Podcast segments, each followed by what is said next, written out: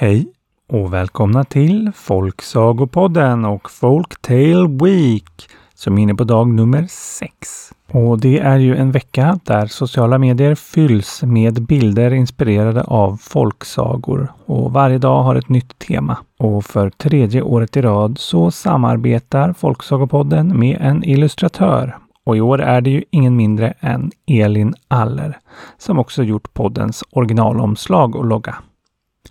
Och temat för dagen det är illusion, alltså illusion. Som ju betyder att verkligheten på något sätt är gömd bakom någonting annat. Ett slags lur alltså. Och det gillar inte huvudpersonen i den här sagan. Här kommer nämligen den unge mannen som ville se allt. Och innan vi börjar så ska jag varna känsliga lyssnare för att den här sagan innehåller en hel del ormar och lite existentiell ångest. Så nu vet ni det.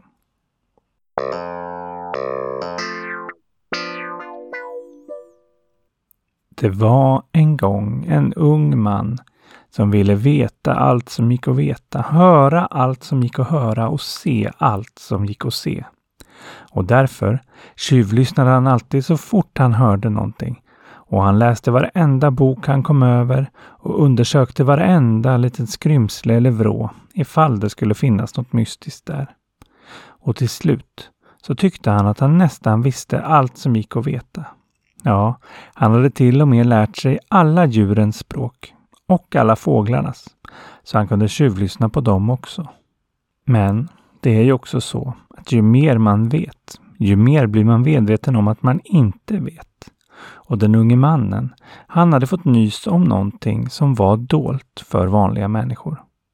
Han hade nämligen fått höra att om nätterna, då kunde allt möjligt konstigt hända som inte gick att se med sina ögon eller öron. Åtminstone inte utan att man först gjort något magiskt med sina ögon och öron. Och vad det var för slags magi, det var han ju genast tvungen att ta reda på. För här fanns ju något som gick att se och höra som han inte hade sett eller hört. Så han satte genast igång med att försöka ta reda på hur han skulle kunna se de här hemliga dolda sakerna som hände om nätterna. Och hans sökande ledde honom till en mycket, mycket klok, mycket, mycket gammal man som bodde i en grotta uppe på ett berg. Och när den gamle mannen hade hört vad den unge mannen önskade så gav han honom två varningar. Ja, lille pojk. För det första så är vägen till det du söker mycket, mycket farlig. Många som försökt har inte klarat sig med livet i behåll, sa den mycket gamle mannen. Och för det andra, och det är desto viktigare, så finns det sånt man inte mår bra av att se och höra. Ingen människa mår bra av att höra och se allting. Tänk på det. Men det tyckte den unge mannen lät helt knäppt. Varför skulle man inte må bra av att se och höra allting? Det måste ju vara fantastiskt. Och han ville genast veta hur han skulle göra för att kunna se det här hemliga, dolda som hände på nätterna. Och den gamle mannen måste ha tyckt att han får skylla sig själv, för han berättade hur han skulle gå tillväga. Det finns inte långt härifrån några kullar där ormkungen då och då ställer till med fest.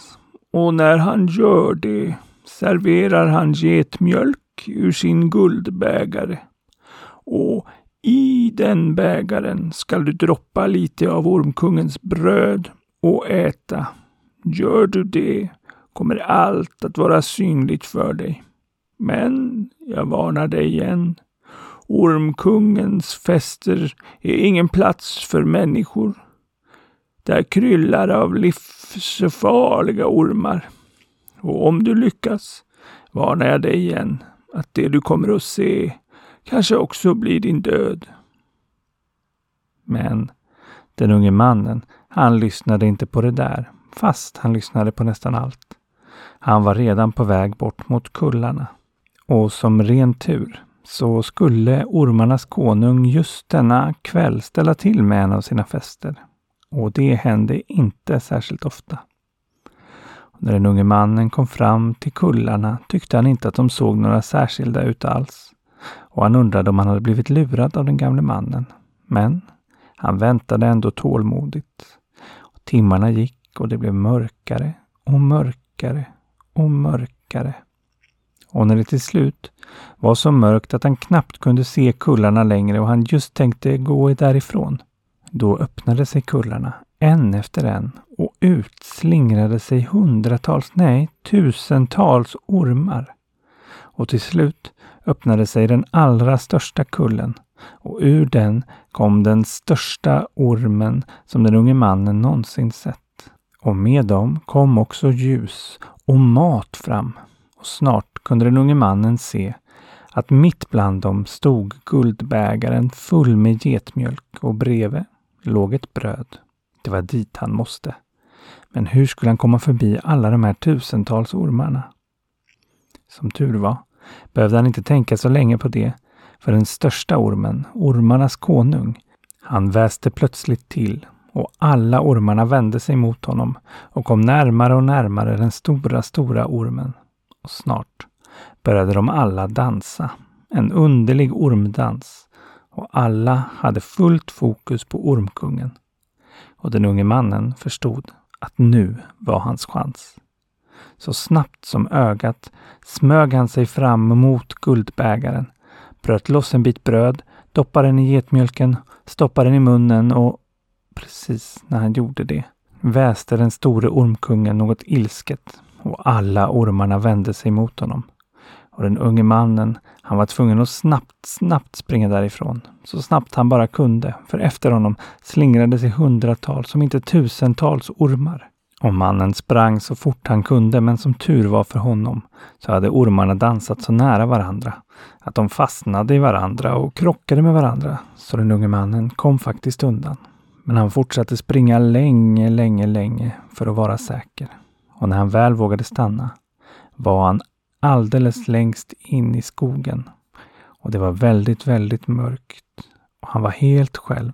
Och en vanlig människa skulle nog ha varit väldigt rädd i det här läget. Men inte den unge mannen. Han var bara nyfiken. Nu hade han ju ätit av brödet doppat i getmjölken. Nu skulle han äntligen få se vad som var dolt om nätterna. Och han började se sig om. Och först såg han ingenting och tänkte återigen att han blivit lurad men så började det glimma emellan träden och snart dök det upp hus.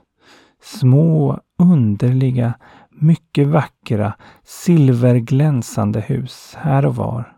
Och ut ur husen kom de mest fantastiska små älvorna utdansade.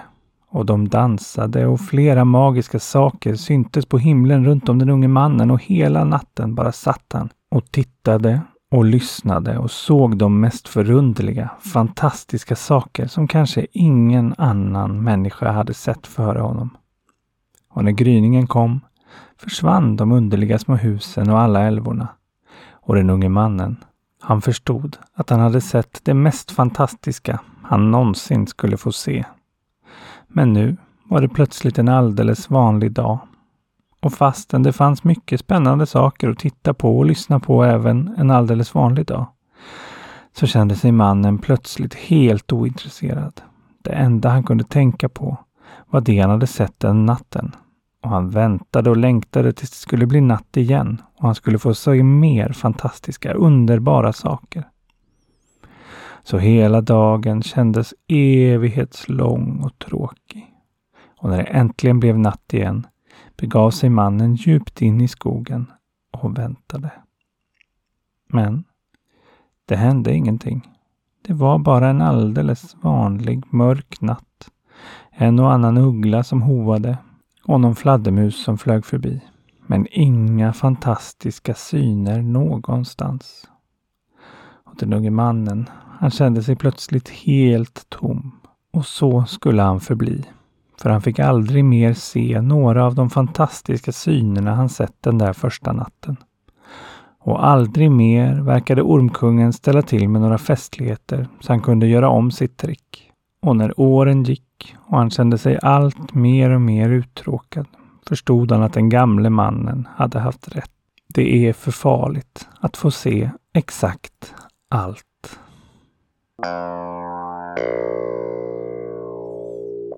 Ja, där ser man. För mig personligen skulle det nog räcka med att se ett ormparty för att känna att jag har sett nog med saker, men vi är ju alla olika.